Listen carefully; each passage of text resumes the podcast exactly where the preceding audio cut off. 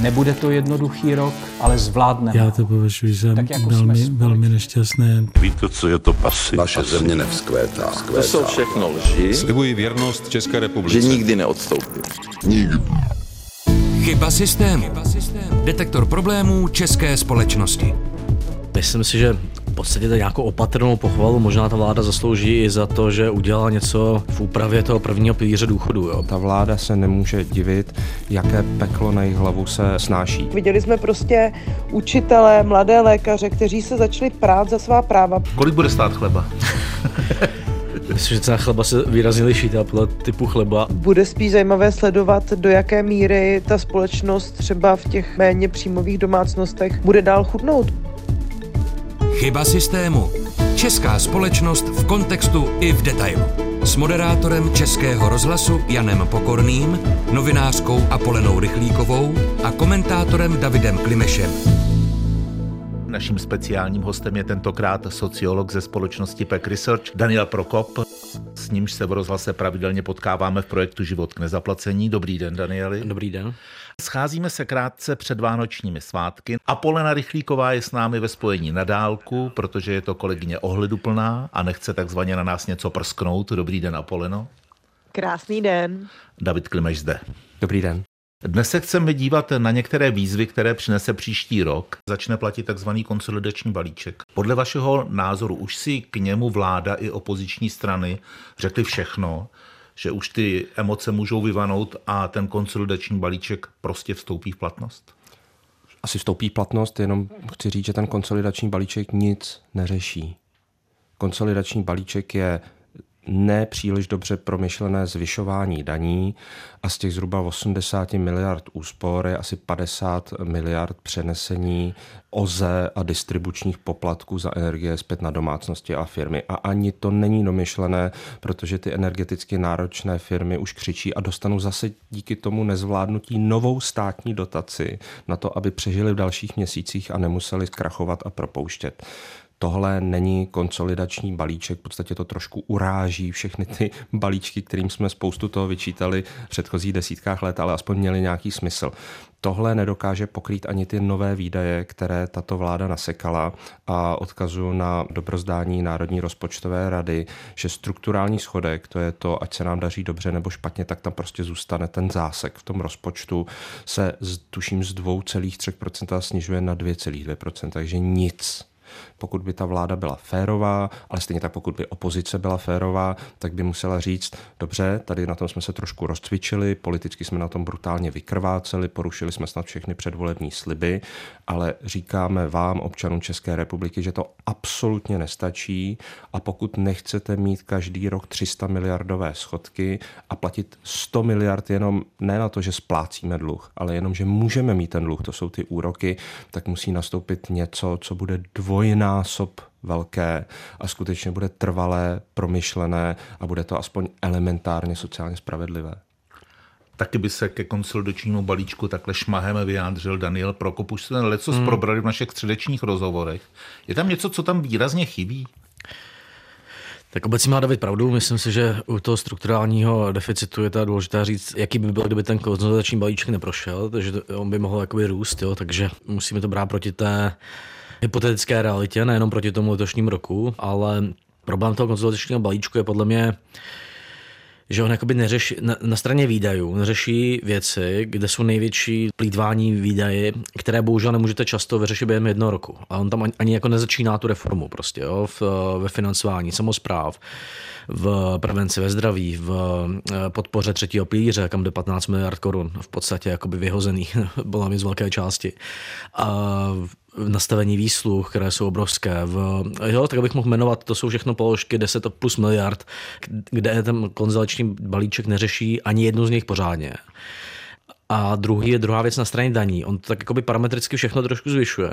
Takže já třeba oceňuji, že, že se našla odvaha zvýšit daň z nemovitosti. Jo. Ale ona se zvyšuje způsobem, že se jenom zvýší, zdvojnásobí ta daň. A díky tomu, že v Česku daň z nemovitosti není vázaná na cenu té nemovitosti, nebo cenu pozemku, hmm. nejlepší daň ještě pozemky na nemovitosti, tak eh, my jsme teďka spočítali, že eh, chudší domácnosti daní, eh, dávají na daň z nemovitosti větší procento svých příjmů než bohatší domácnosti jo, v České republice, protože to závisí hodně na velikosti té nemovitosti, ne na její ceně, ne na té lokalitě a podobně. Takže ta daň je prostě degresivní, větší procento z ní platí chudší lidé. To samé je u OSVČ, větší procento svých příjmů platí na odvodech nízkopříjmový OSVČ, to se ještě posiluje. Máme jednu z nejmenších progresí v danění zaměstnanců v Evropě prostě a to se nemění prakticky, jo, tam ty změny jsou neutrální. Jo, to je hlavní problém podle mě toho balíčku, že on ne, nedělá žádnou reformu na straně těch příjmů, která by uh, zlepšila strukturu těch daní ošetřila by těch zásahů tu nejnižší třeba třetinu zaměstnanců, kteří jsou na tom dneska eh, nejhůře a zároveň to vybrala v některých jako místech, kde se dá vybrat mnohem víc, zlepšila daň zemovitosti, eh, posílala některé spotřební daně, které nám absentují a mohli bychom na nich vybrat klidně 20 miliard ještě navíc a podobně. Ten balíček je málo odvážný v těch daních nebo reformních, jo? byť eh, třeba s velkou částí těch jednotlivých věcí bych souhlasil, jo? Tak, tak celková ta pohled na ty daně, daně trochu víc a chytře tam chybí podle mě. Mezi vstup Davida? Jenom drobnost. Já vlastně jsem takhle také na začátku o tom konsolidačním balíčku přemýšlel. Vlastně jsem držel té vládě palce, protože konečně se někdo něčeho odvážil. Vlastně toho 11.5.2023 ta vláda deklarovala, že jsme lhali před volbami a teď tedy všechny ty sliby, že nebudeme zvyšovat daně, že nemovitostní daň se nesmí zvyšovat, protože to zdraží nájemné, tak všechno házíme za hlavu a teď děláme reformy. Ale prostě ten výsledek výsledek dopadl tak, že tu kritiku si zaslouží, pokud poměrně razantně zasahují do peněženek občanů. Hmm ať už na straně daní nebo na straně právě třeba těch nových nebo znovu přenesených poplatků za OZA distribuci ohledně energií, tak tohle není odůvodněné ve chvíli, pokud zároveň v tom rozpočtu se najdou peníze na nákup dalších dvou stovek pump do státního čepra, aby je přiřadili k Eurooilu. To by neudělala ani socialistická vláda. Pokud tam zůstane oligopol stavebních spořitelen, hmm. spořitelen, to je za miliardy, vlastně nedokázali ani zrušit to, ten nefunkční příspěvek na stavební spoření. Pokud eh, z výsluh pro hm, policisty, které stouply za dva roky eh, za pět let na dvojnásobek, nedokážou oříznout ani miliardu a pokud zachovávají paušální daň, kdy za stejnou práci buď můžete platit zamě- jako zaměstnanec nějakých 40%, anebo v rámci paušální daně až do 2 milionů, což není nikde jinde v Evropě, daníte úplné minimum. Tak pokud, no, tohle, pokud tohle tam zůstane, tak ten konsolidační balíček je neodůvodnitelný a ta vláda se nemůže divit, jaké peklo na jejich hlavu se snáší. A poslední věc, říkal jsem si, wow, 80 miliard škrtů, to není jednoduché, po mém soudu, myslím, že tady i říkal, z roku na, na rok bez velkých změn vyškrtat se dá nějakých 10-15 miliard a ne 80, to jsem se koukal. No jo, ale když se podíváme, že 50 miliard bez většího rozmyslu přenesete zpátky, tak ono vám tam zhruba těch 20 miliard zbývá a to ještě až nebude na zaplacení kuchařek a další úspor, které nejsou domyšlené, tak se dostaneme na to, co všichni víme, že z roku na rok se dá ve státě, který má velký samospát, opravdu vyškrtat maximálně nějakých 10-15 miliard a ani to není jednoduché. Mě by zajímalo, proč si myslíte, že to ta vláda dělá takhle, jak to dělá? Když přece v DNA každé vlády složené z koaličních stran je vyhrát příští volby. Přece každá vláda půdu sebezáchovy z definice by měla chtít, aby ji lidi měli rádi. Ale takhle to schytává od opozice, od médií, od expertů. Ale to tam je přeci. Eh, pokud eh, Přece to jste, nedělá schválně. Pokud takhle. jste minister z ODS nebo TUP 09, musíte všechno udělat pro živnostníky. Takže ta paušální daň má politicky velkou logiku akorát je ekonomicky naprosto nesmyslná a vlastně podporuje bizarní optimalizace daní. Pokud chcete, aby vás volil aspoň někdo z obecné populace, no tak nesmíte zrušit to Babišovo neproduktivní plošné státní jízdné, i když jste to slibovali před volbami. Proč by vás nikdo nezvolil? Ty věci jedna za druhou, včetně teda toho, že se bojím, co se dozvíme o tom, proč kupujeme 200 soukromých pump, které vůbec nepotřebujeme do státního, tak vlastně všechny ty další věci mají hlubokou politickou a marketingovou logiku. ale nemají ekonomickou logiku a skončí to, jako to vždycky končí, že to ten občan bude muset někdy zaplatit a to ještě s úroky. Tak teď už potřebuji jenom, aby Apolena konsolidační balíček aspoň trochu pochválila a můžeme jít dál. mm. Tak to já samozřejmě dělat nebudu. Mě na tom eh, nejvíc rozčiluje a ty výzkumy to ukazují úplně jasně, že se vlastně dlouhodobě pomáhá těm vysokopříjmovým lidem a naopak chudí ještě chudnou. Já myslím, že pro nějakou udržitelnost v té společnosti je to naprosto zdrcující. Souvisí s tím třeba i, mimo jiné i to, že se vlastně ukazuje, a nejenom jako v Česku, na to jsou výzkumy i v zahraničí, jaké dopady má stres související s chudobou na duševní zdraví lidí. A opravdu ti nízkopříjmoví lidé dneska zažívají podobnou míru stresu právě jako za covidu. To taky není něco, co bychom měli podceňovat. Uh, ta vláda se prostě jednoduše chová, jak kdyby v té společnosti společnosti opravdu většinu lidí tvořili um, živnostníci s příjmem do dvou milionů. Úplně opomíjí nějakou realitu toho, že drtivá nebo velká část naší společnosti na pracovním trhu je tvořena zaměstnanci. Uh, nejhůře to samozřejmě dopadá na ty nízkopříjmové zaměstnance, no ale ať se potom nediví tomu, uh, že Babišovy preference a Okamurovy preference masivně narůstají, že vláda je opravdu, co se důvěry týče, na jednom z největších uh, minim v historii a že ta popularita té vlády se velmi blíží té popularitě nečasovy vlády.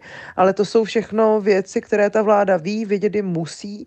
Přesto všechno prostě nedokáže ani v nějakých základních ohledech eh, vyjádřit nebo podpořit ty méně příjmové domácnosti. Drží se těch svých dogmatických uh, manter neustále dokola a ještě si k tomu točí vlastně hloupá PRová videa, které potom úplně pochopitelně Babiš v každé možné debatě nebo vlastní video blogové produkci jim omlacuje o hlavu. A ta vláda je teďka přesně v poločase, už nic dalšího se moc nestihne. A bude spíš zajímavé sledovat, do jaké míry ta společnost třeba v těch méně příjmových domácnostech bude dál chudnout, protože to opravdu nebude asi nic dobrého pro ty lidi. A nezdá se, že by se to jakýmkoliv způsobem lepšilo. Chyba systému. Česká společnost v kontextu i v detailu.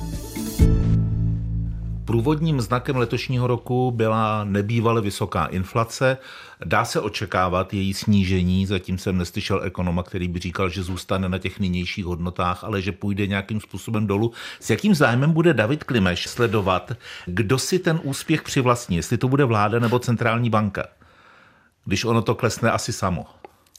No, samo, upřímně řečeno, tam je, tam je zajímavé, že když eh, byly výhledy, že bude eh, inflace třeba ke 4%, tak jsme se děsili, wow, to je dvakrát tolik, než co je vlastně to, co jsme si řekli, nějaké 2%. Teď na to toužebně čekáme. Krásné. Bude to krásné. Ano, asi to klesne, nicméně to, že centrální banka stále ještě nezahájila ten cestup v těch sazbách, ilustruje, že tady nějaká rizika jsou. Eh, může to mít dva výklady, buď prostě ta banka neplnila svoji roli během toho největšího vrcholu té inflace a nedostoupala dostatečně nahoru, to je ta letitá debata, jestli Aleš Michl hm, dokáže řídit centrální banku nebo nedokáže. Ta jejich 7% eh, sazba nebyla nikdy ničím podložena a odůvodněna. Oni teď z toho nemohou sestupovat, proč by příliš rychle se dostali eh, dolů, i když ta inflace ještě není zcela skrocená cena. No a pak je samozřejmě druhá věc, ano, může to nějak samovolně doklesat dolů, ale mm, tohle podle mě není dobrý přístup k té věci. Teď to třeba řešíme na těch potravinách, které extrémně házíme buď na zemědělce, řetězce nebo někoho jiného, nebo případně vládu. Je potřeba mít v těch jednotlivých sektorech nějaké průvodní strategie, jak ukotvit vlastně tu inflaci, čím je možné ji ukotvit, čím ji ukotvit v bydlení, když máme extrémní převis poptávky na nabídku, čím ji ukotvit v potravinách, čím ji ukotvit v některých různých věcech. Máme na to různé nástroje, třeba teď se hodně řeší role antimonopolního úřadu, který by opravdu v té tržní kapitalistické eh, ekonomice měl umět eh, nějakým způsobem posuzovat monopoly, oligopoly a kartely. To se pravděpodobně úplně nedaří. Máme i nějaké daňové politiky, o kterých jsme se před chvílí bavili, že možná nejsou úplně úspěšné, ale já přesto všechno věřím, že eh, Česko zvládlo to nejhorší v roce 2022-2023 a vrátíme se na nějaké hodnoty, které už budou nejen jednociferné, ale skutečně budou třeba pod těmi pěti procenty a s tím už se dá žít. Je to strašně důležité. Jo? Já jenom pro ten, ten obrázek, který tady si malujeme, je strašně často postaven na nějaké drobné změně DPH, drobné změně něčeho jiného. Ano, jsou to třeba značné zásahy, ale znovu si uvědomíme, že to nejzásadnější v těch minulých dvou letech byla kumulativně za ty dva roky nějaká 30% nová daň, kterou nikdo neoznamoval. A to byla ta inflace, která nám o tolik zdražila to naše žití a o tolik nám ožrala ty úspory, byť každému trošinku jinak. Téhle daně se musíme zbavit a upřímně řečeno všechno to ostatní, o čem se tady bavíme a není třeba úplně domyšleno, tak je až co se týče té důležitosti, třeba o řád nebo dokonce o pět řádů níže, aspoň z mého pohledu. Ve výzkumu Život k nezaplacení se společnost Peck Research hodně věnuje tomu, jak velkou část příjmů lidi utrácejí za bydlení, ale i za potraviny. Mm. Jak vy vidíte tu debatu potravináři, politici, řetězce, dodavatele na příští rok? Kolik bude stát chleba? Myslím, že cena chleba se výrazně liší podle typu chleba, ale, ale jako myslím si, že bylo zbytečné úplně hýbat s těma sazbama DPH, se ukazuje, jo? že se mělo udělat to, co navrhoval ten NERV, vzít ty věci, které jsou neoprávně v těch nižších sazbách, jako pivo a kadeřnici, dát je do té 21% sazby a vůbec to neřešit ten zbytek. Jo? Udělala se spousta uh, politické energie, uh, i té administrativní na takovéhle opatření. A přitom, když se kouknete do, do zahraničí, tak ty státy, třeba Británie, dejme tomu, Eh, prostě přemýšlí, jak nakopnout ten ekonomický růst a dělají opatření typu, že zvýší eh, sazbu, nebo to už dřív zvýšila Británie, korporátní sazbu z daně eh, právnických osob, ale umožnila rychlé odpisy všech těch, nebo většiny nákladů. Takže buď to si to odepíšete v prvním roce, ty náklady, Dneska se odepisují hrozně náklady firm třeba pět, další dobu pět let a podobně, což omezuje chuť těch firm investovat. Zavedlo to Trump, jedno z do, jako dobrých opatření, teďka Británie a řada dalších zemí, když necháte některé náklady na vědu a výzkum a další odepsat okamžitě, další třeba 50% v prvním roce, tak hrozně zrychlíte investice těch firm a v Česku budou chtít zůstat firmy, které tady chtějí investovat, takže to má pozitivní vliv na ekonomický růst. A já si myslím, že vláda by se měla zamyslet, má cenu vůbec měnit nějak eh, sazbu DPH z 15 na 12% nebude to tam ani vidět v těch cenách. Vykašlat se na tyhle ty marginality a řešit věci, které mají jako velký dopad. Buď to, to jsou věci, o kterých mluvil David, jako normální zdanění OSVČ, které není takhle degresivní a nepomáhá tomu švart systému. Takové ty hlavní chyby toho daňového systému opravit. A nebo právě tato prorůstová opatření, které se projeví do jako většího růstu HDP a tím pádem taky do většího růstu mest a e, většího růstu příjmu státu při stejných daních a podobně. To by měly být dva směry. Oprava těch hlavních chyb v daňovém systému a ty prorůstová opatření. Prostě, jo. A my e, strávíme čas tím, že števujeme DPH s nulovým vlivem, ani se to neprojeví do ceny těch potravin pravděpodobně. Jo. Takže antimonopolní úřad by měl být určitě aktivnější. V tím, s tím souhlasím. Davide? Jenom drobnost, to je prostě prvák ekonomky, eh, kdy eh, ty politiky napadne, tak snížíme DPH eh, na potraviny o jeden procentní bod a všichni nám zatleskají. Ale všichni řeknou, no to se nepropíše do těch sazeb, protože to vynegují vlastně ty obchodníci, jenom si trošku zvýší marži a zůstane to. Tak pravděpodobně vláda dostala nápad, no tak kolik by to muselo být procentních bodů, aby to bylo vidět a lidé nám zatleskali. Asi na ministerstvu přišli na 3%, jenže tam má být někdo, kdo přijde z toho prváku ekonomiky a řekne, tohle platí v ukotvené inflaci. Ale pokud vám inflace pořád skáče a ještě na první rok chcete zrušit cenové stropy na energie, tak nemůžete čekat, že ani ty 3% se nějakým způsobem propíší do těch cenovek za tu okurku a za ten chleba. A zjevně ten eh, okřídlený výrokem, ti, kteří měli přijít, nepřišli, ale v tomhle případě to platí opravdu o studentech prváků ekonomických škol. A vlastně výsledek je nejen, že to nebude mít ten politický efekt, že eh, voliči zatleskají této vládě, wow, trošku se nám zlevnily potraviny, které jsou dost drahé, ale eh, nebude to mít i ničivý dopad na to inkaso DPH, protože od začátku bylo naceněno, že po těch změnách nebude větší výběr z DPH, ale nižší výběr z DPH. A tohle ve chvíli, kdy eh, má ministerstvo financí 300 miliardové schodky každý rok, žádný soudný ekonom nemůže navrhnout. Vlastně nevím, proč tyhle věci jsou navrhovány, protože máme kvalifikované lidi v nervu. Na ministerstvu financí je třeba Marek Mora a další kvalitní lidé. Eh, určitě najdeme v tom aparátu i další dobré ekonomii. A přesto se dokola navrhují takovéhle nesmysly. Nerozumím tomu. A Poleno, je něco ve výhledu na ten příští rok, na co byste se těšila?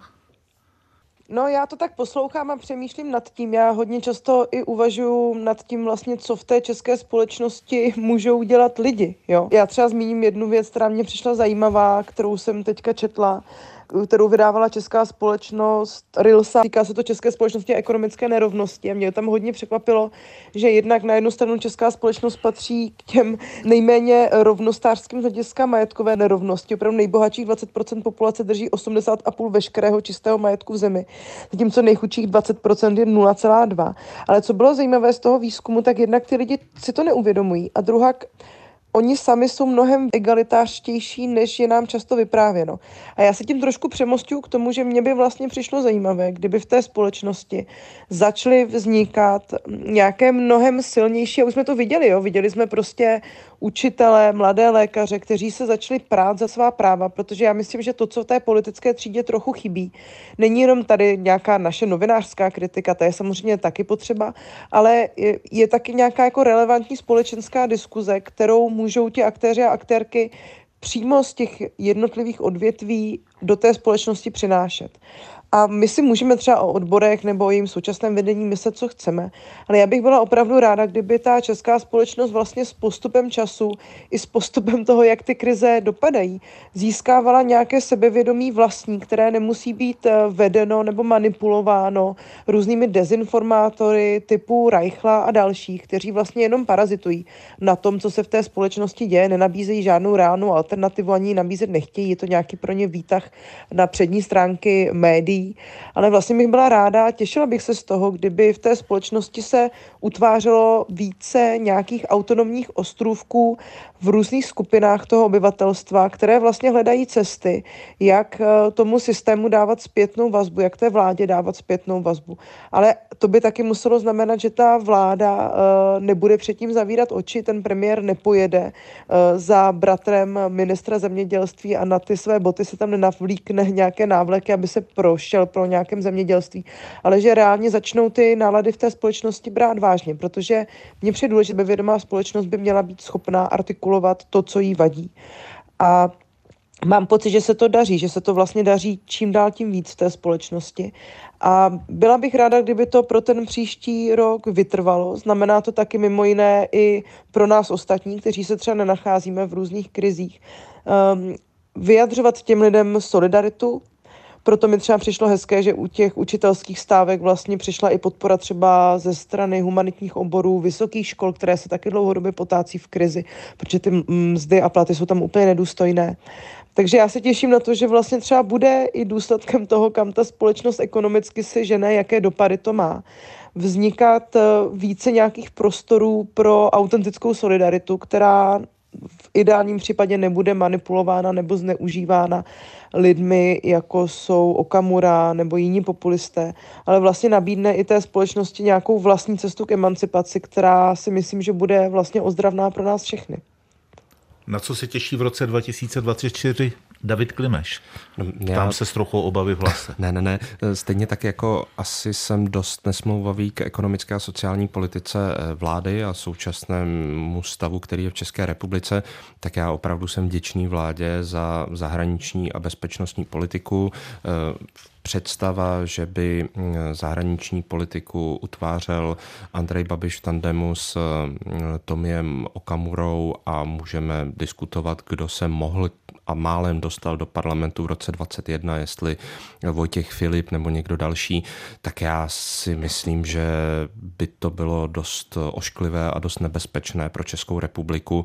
Doufám, že vláda, jak se jí nedaří v těch ekonomických a sociálních otázkách, tak dál najde nějakou, nějakou cestu, jak přesvědčit většinu české společnosti, že v bytostném zájmu České republiky podporovat Ukrajinu, podporovat evropskou spolupráci a konec konců pro mě i vlastně ten pohled z konce roku na českou zahraniční politiku v kontextu té středoevropské, tak je optimističtější než na začátku. A ano, říkám to i přesto, že eh, Robert Fico vyhrál na Slovensku a skutečně pro tamnější justici a média nastávají extrémně těžké časy, ale když si uvědomím na začátku, že eh, právo a spravedlnost vypadalo, že bez problému obhají vládu, velká část české ODSky se v právu a spravedlnost Polsku viděla, když si uvědomím, že mm, Andrej Babiš vlastně váhal mezi tím, jak moc vystartovat proti Ukrajině a nakonec to dopadlo, že mm, zdaleka ne všechno opakuje po svém příteli Viktoru Orbánovi, eh, ale některé věci dokázal dohodnout s touto vládou, třeba obranou spolupráci s USA, což mohl být velmi horký brambor a nakonec se to zvládlo vlastně vláda opozice nějakým způsobem shodnout, tak prostě na konci roku 23 mně přijde, že mm, ta zahraniční politika má v sobě něco, že sama sebe přesvědčila, ano, tohle chceme za Českou republiku i v roce 2024 a konec konců k tomu musíme přidat i to pro mě něco, co jsem nečekal a to je ta společná kandidátka spolu do evropských voleb. Příští rok máme volby do Evropského parlamentu. Sice nedává absolutně smysl, Aleksandr Vondra a Luděk Niedermayer na jedné kandidáce, tam vůbec nevidím, co mají společného, ale je to taky zjevný znak, že ODS z těch svých pokusů někam zkoušet nějaké hrany té evropské politiky, tak se mainstreamizuje zase zpátky a to je dobrá zpráva. Takže mm, abych byl v něčem optimistický, tak vlastně doufám, že vláda bude pokračovat v tom, nechci říct v tom jediném, ale v tom, to, co jde, a to je docela slušná reprezentace České republiky v rámci Evropské unie eh, na zahraničním poli a celkem jasná podpora Ukrajině. No a Dan Prokop se na něco těší v příštím roce? Tak eh, z těch politických věcí těším se, že snad projde novela odlužení a doufám, že projde v nějaké podobě, která nebude moc zdevastovaná tím eh, průběhem parlamentem a pomůže k tomu, aby jsme se zbavili té zátěže prostě eh, z posledních 20 let v exekucích. Myslím si, že v podstatě nějakou opatrnou pochvalu možná ta vláda zaslouží i za to, že udělala něco v úpravě toho prvního pilíře důchodu. Jo. Byť eh, jsou to takové, eh, dejme tomu, jako hrubé zásahy, tak trochu zvýší udržitelnost těch důchodů dlouhodobě a zmenší ten tlak prostě na nějaká zkratkovitá řešení. To bych řekl, že se že patří asi k tomu lepšímu, co ta vláda udělá. Možná lepší než ten konsolidační balíček. Jo. Myslím si, že eh, na, neřekl bych těším se, ale jako jistou pochvalu a říkal to David, u těch Ukrajinců tam prostě zejména ta první část se povedla, eh, ta podpora v bydlení eh, přes ty solidární domácnosti, která zabránila tomu, byla nějaká masivní humanitární krize. A já doufám, nevím, se na to těším, že bude pokračovat nějaká jako integrace těch lidí, eh, kteří tady chtějí zůstat do české společnosti ve vzdělávání, v těch pracovních oborech a podobně. Tak tam doufám, že to vláda nepodcení tu další, tu další fázi. Takže tam jakoby je řada věcí, na které jde navazovat, řada věcí, které jde upravovat prostě eh, a eh, jako není to úplně, nejsou to věci, které by byly ztracené. Myslím si, že eh, úsilí v dalším roce může třeba opravit řadu těch problémů, o kterých jsme mluvili s Davidem v tom daňovém systému a, podobně. Jo. Takže já se, možná se těším na to, že ty další volby, no to doufám, že ty další volby v roce 25 už nebudou tak naivní jako v roce 21, třeba ohledně daní a podobně. Jo. Že se fakt budeme bavit o tom, jak by měly ty daně v Česku fungovat a ne o tom, že se mají rušit všechny daně a podobně. Jo. A že jde mít nižší daně, vyšší výdaje a menší schodek a podobně. Jako.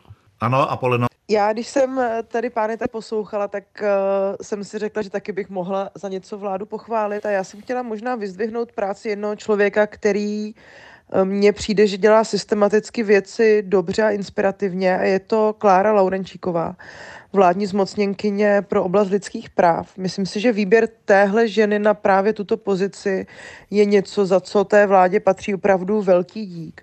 Ona se spolu podílí na celé paletě opatření, které vlastně se snaží ty zranitelné nebo různě diskriminované lidi v té společnosti nějak posilovat, dávat jim jednak větší hlas, ale také větší podporu a i to i politicky vlastně.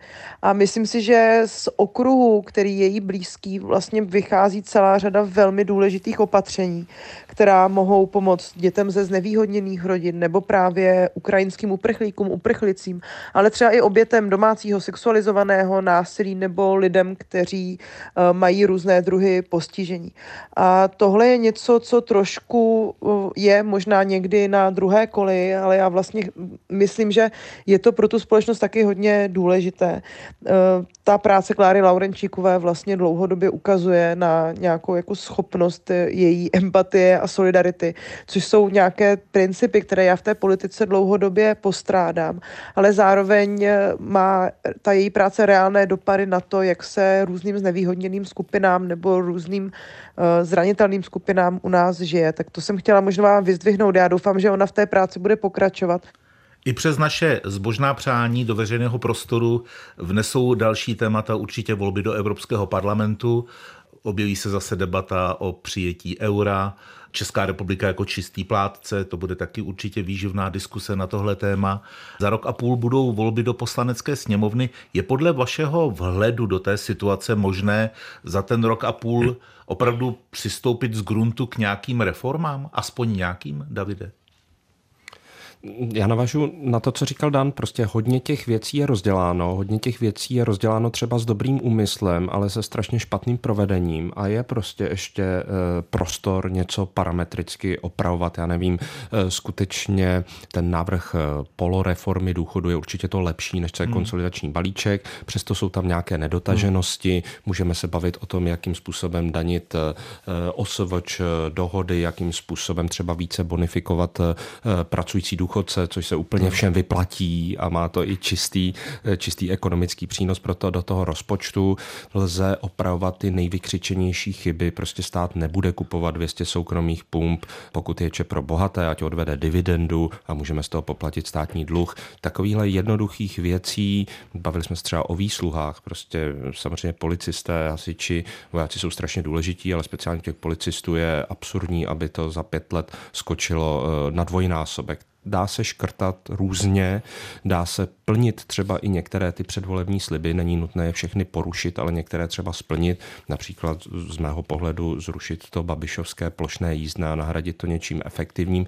Takže těch drobných věcí je spousta, ale upřímně řečeno, já také asi jako Dan doufám především v tu slušnější a smysluplnější debatu před těmi volbami 2025, které budou extrémně důležité extrémně důležité v tom smyslu ne kdo vyhraje a kdo nevyhraje, ale jestli třeba najednou tady někdo nevyhraje takovým razantním způsobem, že mm, ta druhá parta bude v té veřejné debatě úplně marginální a nebude mít vůbec žádný zvuk, to si myslím, že by demokracii neprospělo.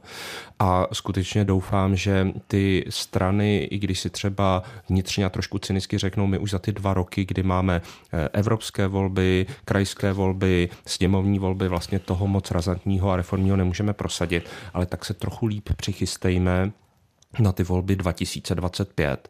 Všechno to neházejme na marketing strachu a nenávisti a zkusme také eh, něco vymyslet, co je smysluplná reforma a ty naši voliči nám to uvěří. Upřímně řečeno, když to přeženu, já, mě by vůbec nevadilo, kdyby se vrátily doby, které jsme považovali za úplné dno eh, české politiky a to jsou byly přestřelky Jiří Paroubek, Mirek Topolánek, protože oba dva ty pánové věděli, jak musí mezi sebou polarizovat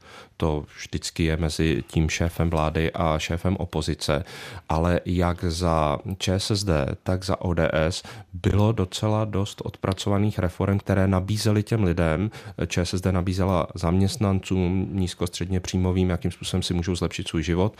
Mirek Topolánek eh, zadal modré šance, kde prostě jednotlivé ty věci měl promyšlené, jakým způsobem reformovat, buď lépe či hůře. Tak eh, nevěřil bych, že tomu někdy, že to někdy budu říkat, ale ať se nám vrátí souboje eh, Paroubek Topolánek, protože za nimi, kromě to hulváckosti a vyostřenosti, byly i docela dobré volební programy jednotlivých stran. To teď nevidím ani u ANA, ani u spolu. Dané?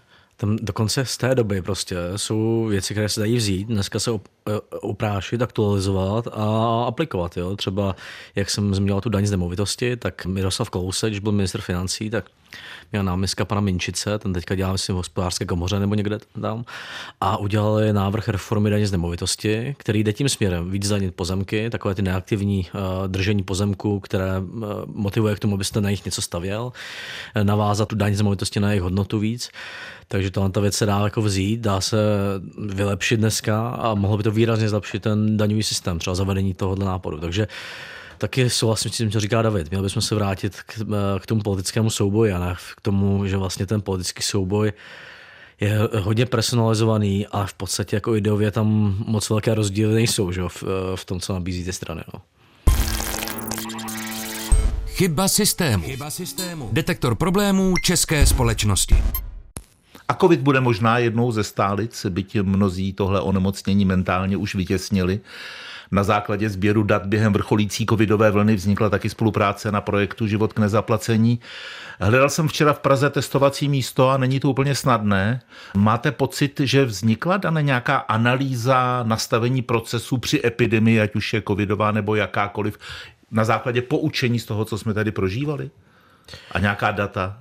To jste mi překvapil, já ji jako neznám dostatečnou. Kdyby byla, tak ji znáte. Možná v tom zdravotnictví vznikla, ale, ale uh, myslím si, že hlavně analýza teda musela, no, měla vzniknout ohledně těch procesů motivačních, který uh, jsou daný třeba nízkou uh, nemocenskou v Česku, který jako nutí lidi, nebo nutí, demotivují od toho, aby, když mají nízký příjmy, což dneska ty reální mzdy klesly, tak aby mohli hmm. zůstat doma, když mají nějaký symptomy, protože hlavní problém v tom covidu byl, že prostě chodili lidi nachlazený do práce a jejich děti chodili nachlazený do školy a tam na to musí reagovat ten systém právě jakoby náhrady mzdy eh, v nemoci. A to, tomu jsme se úplně vyhnuli, těm systémům, které jakoby dokážou obrnit tu společnost v oblasti využívání home officeu, právě těch nemocenských eh, a podobně. Takže tam, já bych řekl, že ty sociální rizika jsou úplně stejná jako v roce 2019. Eh, proč nakonec hmm. v Česku byl ten covid silný relativně? Řekli by i ostatní účastníci debaty, že nevzešlo žádné poučení z té covidové pandemie, z těch silných vln? Já doufám, že tomu tak není, protože jestli si dobře pamatuju, tak vlastně docela dost peněz v rámci e, vědy a výzkumu bylo nasměrováno do různých center, hodně těch analýz se udělalo, e, vlastně vím, že i z toho komunikačního ohledu tak hodně věcí se zkoumalo, napsali se nějaké knížky, tak já pevně doufám, že jsme se posunuli trošinku dále. Pro mě je tam vlastně zajímavý, že, abych navázal na to, co říkal Dan, že Ono, když to hodně přeženu, tak je trošku jedno, jestli se bavíme o nějaké krizové epidemii anebo o standardním provozu, kdy je to často zase prostě ty otázky, jako jsou, jaké jsou ty nejefektivnější nač, šťouchy, ať už ekonomické či hmm. jakékoliv jiné, aby ta společnost jako celek něco kolektivně udělala. A v tom myslím, že jsme se moc daleko neposunuli, ať už jsou to ty ekonomické věci, mm, tady vám nějakým způsobem přilepšíme, ale je to za něco. Jestli si dobře pamatuju, tak eh, ty to vládní strany v opozici, když ještě byly, tak velmi správně mm, během covidu upozorňovali, že ty plošná opatření prostě nejsou dobrá, protože tím, že jsou plošná, tak nejsou cílená. V těch dalších krizích jsme viděli, že jsme se od té plošnosti moc daleko neposunuli a ty cílené pobídky pro určité skupiny, aby se nějakým způsobem eh, chovali, tak ty vlastně myslím, že Česko tradičně neumí je trošku jedno, jestli zrovna krizová epidemie anebo standardní provoz státu.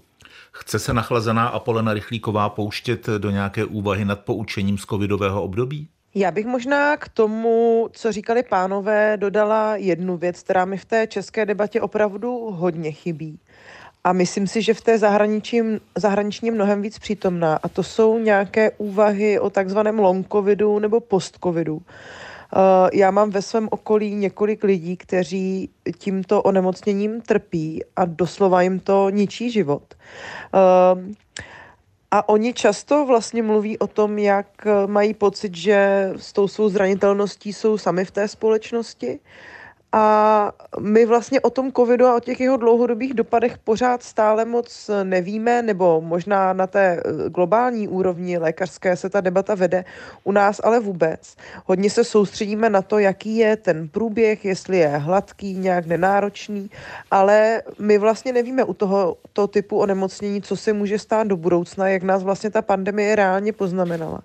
A to je něco, co při tom současném počtu nakažených, které podle toho, co třeba píše i rozhlas, eh, stoupají až ke 20 tisícům a podle lékařských odhadů jsou vyšší, je rozhodně něco, co by nás mělo zajímat eh, také, protože to právě to naše budoucnost bude ovlivňovat a především těch, kteří se tu nemoc prodělají. Ale v Česku zatím nemám pocit, že by se k tomu kdokoliv jakkoliv vyjadřoval, nebo by se vůbec o tématu post-covidu, long-covidu nějak více, více jsme se bavili. Když se díváme do příštího roku, tak další stálicí bohužel bude i v příštím roce válka na Ukrajině. Prezident Pavel, ale třeba i poradce pro národní bezpečnost Tomáš Pojar naznačují, že Vladimír Putin chce zřejmě pokračovat v agresi při nejmenším do amerických prezidentských voleb a uvidí se, kdo tam vyhraje hmm. a jaké spojené státy vlastně budou. A to je konflikt, který bude ovlivňovat určitě lecos, včetně života v České republice. Často v, tom, eh, v tomto podcastu jsem negativní, tady vlastně chci pochválit vládu, že skutečně udržet ve střední Evropě ten kurz, který ona zaujala, tak si myslím, že si zaslouží nějaké ocení. Určitě to není bez chybiček, ale vlastně jsem rád, že v tom kontextu, který vidíme ve střední Evropě, tak se to podařilo.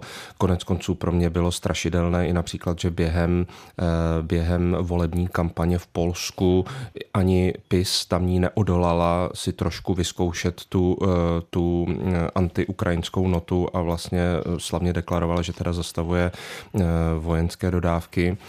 A to vlastně, když se podíváme na Maďarsko, podíváme se, s čím nastoupil Robert Fico, podíváme se na některé ty vlnky, které byly v Polsku, tak jsem rád, že e, Česká republika drží nějakou uměřenou unijní politiku vůči Ukrajině. Jak to dopadne na Česko, já nevím. E, pokud mám pokračovat v tom optimismu, tak teď e, myslím, že pár lidí se podívalo, že u nás může být ještě nějaký ruský plyn, ale ono je to normální, když přetékají ty přeteky a opravdu třeba proti Slovensku, Maďarsku nebo třeba i Rakousku, na které se zapomíná, tak jsme se dokázali toho ruského eh, plynu zbavit. To je také pozitivní, ano, je možná dražší, ale nejsme závislí na našem geopolitickém nepříteli. No a jakým způsobem to dál bude probíhat, to opravdu musím nechat na některých povolanějších, protože, jak znovu říkám, ať se na to mnozí zapomínají, tak jsem byl jeden z mnoha, kdo si prostě v lednu 2022 myslel, že tady žádná eh, ta full scale war, nevím, jak se to překládá, ta plná válka eh, Kremlu vůči Ukrajině nemůže nastat. My jsme říkali, že Daniel Prokop a Peck Research začali během covidu sbírat data na robustním vzorku dotazovaných. Co nám to říká teď? Cítíte taky, nebo vidíte v těch datech i to, co je únava z války, co je klesající ochota pomáhat, být solidární? Eh, my děláme ještě výzkum mezi uprchlíky, tam teďka mm, je nová vlna hotová a je třeba teda říct, že eh, nějakých 55% nebo ještě více uprchlíků ukrajinských, kteří tady jsou, tak očekávají nebo plánují, že tady zůstanou dva a více let, protože jsou z těch oblastí, které nejsou bezpečné nebo eh, prostě se bojí vrátit a, a podobně. Takže já si myslím, že je realisticky očekávat, že minimálně 150 tisíc těch uprchlíků tady bude delší dobu. A, a to je jako dopad, s kterým ten stát musí eh, počítat, protože oni uh, už teďka jsou ekonomickým přínosem velkým, uh, ale můžou být ještě mnohem větším, pokud by obsadili ty pozice ve svých kvalifikacích a nepracovali uh, pod své kvalifikace a je nutné prostě nepodcenit uh, to vzdělávání jazykové ve školách a podobně. Takže to je určitě dopad, s kterým jako je třeba počítat, že to ne Eh, že prostě ty lidi neodejdou v červnu eh, příštího roku, většina z nich na jaře. A mezi tou českou populací tak je vidět eh, jako jisté vyčerpání a eh, kombinace té ekonomické krize, možná sledování těch válek, ale myslím si, že zejména ta ekonomická situace vede třeba k nárůstu eh, symptomů depresí a úzkostí, takže tam je vidět jako dopad na tu psychiku té populace. Jsou tam vidět poklesy důvěry některým institucím, zejména teda vládním, ale malinko i Evropské unii, které souvisí právě taky s tím ekonomickým zásahem inflací. Takže největší výzva podle mě je pro vládu vládu, jak v těch letech 24, 25, 26 vyrovnat ten velký propad eh, příjmů reálných, když to zjednoduším, té chudší poloviny populace, zejména chudší poloviny rodin s dětmi. Protože eh, u důchodců se to podařilo díky valorizacím částečně, ale ty chudší polovina rodin s dětmi se dostala do uh, jako situace, kdy většina z nich nic neušetří ani měsíčně a ten propad tam byl relativně velký a růst e, příjmů, nechat to jenom na růst mest, tak to by to dohánělo roky pravděpodobně. Jo. Takže tam by bylo asi vhodné nějaké, to zohledňovat prostě v hmm. daňových změnách a ve změnách, e, kterou ta, které ta vláda může ovlivnit, aby pomohla téhle části společnosti, která je nejvíce ohrožená. Mimochodem taky její omezená spotřeba brzdí ekonomický růst, jo, takže to dává smysl i ekonomicky prostě. Jaké možné dopady v příštím roce ruské agrese na Ukrajinu, dopady na Českou republiku a život v ní vidí Apolena? Já bych se asi vrátila k tomu, co už nakousnul Dan a opravdu bych eh, krátce jenom něco řekla k tomu jejich poslednímu výzkumu hlas Ukrajinců. Eh, mně přišlo z toho výzkumu alarmující, že 57% těch příchozích zůstává pod hranicí chudoby. A vlastně se může jednoduše stát, že tito lidi se stanou obětí nějakých vykořišťovatelských až mafiánských systémů v rámci České republiky. A bude to pro ně víc a víc náročné. Ten největší problém, který uh, oni pocitují, uh, se týká bydlení, které uh, je prostě v Česku drahé, to víme. A mě na těch problémech těch ukrajinských příchozích vždycky přijde zajímavé, že oni jako do jisté míry zesilují to, s čím se potýkají i ti nízkopříjmoví uh, lidé v České republice. A akorát samozřejmě vyostřeněji a zároveň jsou v tom mnohem zranitelnější, protože právě neumí jazyk nebo se tady necítí doma, určitě mají nějaké dopady na duševní zdraví, co se týče toho, že museli nuceně odejít ze své země, která byla Vladimírem Putinem eh, napadena. Ale přijde mi, že pokud se chceme bavit i o nějaké společenské solidaritě, tak je nutné zároveň um, na jednu stranu ubezpečovat ty nízkopříjmovější domácnosti v České republice, že ti příchozí Ukrajinci a Ukrajinky nejsou pro ně ohrožením. A na druhé straně ale ten stát by měl vyvinout takové aktivity, které by vedly k tomu, že ti lidi se tady opravdu nebudou potácet právě někde pod hranicí chudoby, nebo, nebo nebudou, myslím teďka ty příchozí, nebudou tou chudobou ohroženi. A to je pro tu vládu určitě velká výzva, protože pokud se toto nepodaří vybalancovat, tak eh, se může velmi jednoduše stát,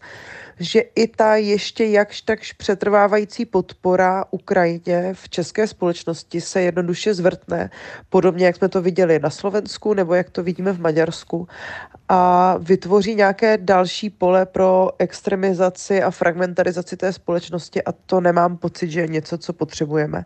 A ta druhá věc potom je, že samozřejmě ti Ukrajinci a Ukrajinky, to druhé téma, kteří tady budou žít v těch nedůstojných podmínkách, uh, budou prostě taky reálně postiženi tou krizí a je to něco, co já jim prostě jednoduše eh, stejně jako nikomu osobně nepřeju. David chtěl doplnit? Jenom drobnost, jenom chci říct, že to navazuje vlastně na to, co jsem uh, chtěl a možná nedokázal vyjádřit na začátku a to je vlastně pro mě ta neuvěřitelná plošnost a neefektivnost těch státních zásahů během té série těch krizí. Vlastně vzpomeňme si, že už během toho covidu, když byly ty lockdowny, jsme říkali, tady musíme vymyslet něco, co nepomůže 100%. Někdo má úspory, někdo prostě nebyl tak postižený, ale musíme mít něco na ty nízkopříjmové, které opravdu se najednou ocitly na nějaké hraně, která už je nežitelná a kolik bylo těch nápadů, že to bude eh, třeba rychlá eh, distribuce mimořádné okamžité pomoci, což se třeba líbilo mně, eh, byly tam nějaké daňové možnosti, nic, bylo to nakonec plošné. Bylo to plošné i pro podnikatele, opozice to správně kritizovala a od té doby, co nastoupila, a zase máme nějaké jiné krize, tak co jsou cenové stropy? Na energie. Pro všechno to samé. Nikdo vlastně takhle státně socialisticky v této míře ty energie neřešil eh, v Evropské unii. Eh, co se udělalo pro rodiny s dětmi? Plošná pětitisícovka. Co se udělalo s důchodci? Valorizace všem a je to ještě velmi nespravedlivé, protože se prostě valorizuje z různých základů, takže najednou pořád máme problémy, co s těma nízkopříjmovými důchodci, eh, kteří vidí, jak se jim zakusuje inflace do toho jejich spotřebního koše. A tak to můžeme postupovat dál a dál. A vlastně já už trošku nevím, jak dlouho ještě máme čekat, než si ten, nást- než si ten stát najde e, nějaké nástroje, kterým rychle dokáže pomoct nízkopříjmovým a středně příjmovým, a to i třeba z pravicového pohledu, protože prostě nemůžeme všem distribuovat všechno a potřebujeme mít nějaký omezený rámec, jak v nějaké krizi těm nízkopříjmovým, středně příjmovým pomoct a pak to utnout. Ale místo toho všechno, vlastně o čem se bavíme, tak je plošné a tím pádem je neefektivní a tím bychom mohli ne skončit, ale přestat. Pokud se máme na něco těšit, i když on je to trochu protimluv, tak asi bude pořád dost dobrých důvodů pokračovat v podcastu Chyba systému. Asi bude dost důvodů pokračovat v projektu Českého rozhlasu APEC Research Život k nezaplacení. Pro dnešek děkuji Danovi Prokopovi, hezký nový rok. Slyšeli jste podcast Chyba systému. Chyba systému. Detektor problémů české společnosti s Janem Pokorným, Apolenou Rychlíkovou a Davidem Klimešem. Všechny díly najdete na webu Českého rozhlasu Plus v aplikaci Můj rozhlas i v dalších podcastových aplikacích.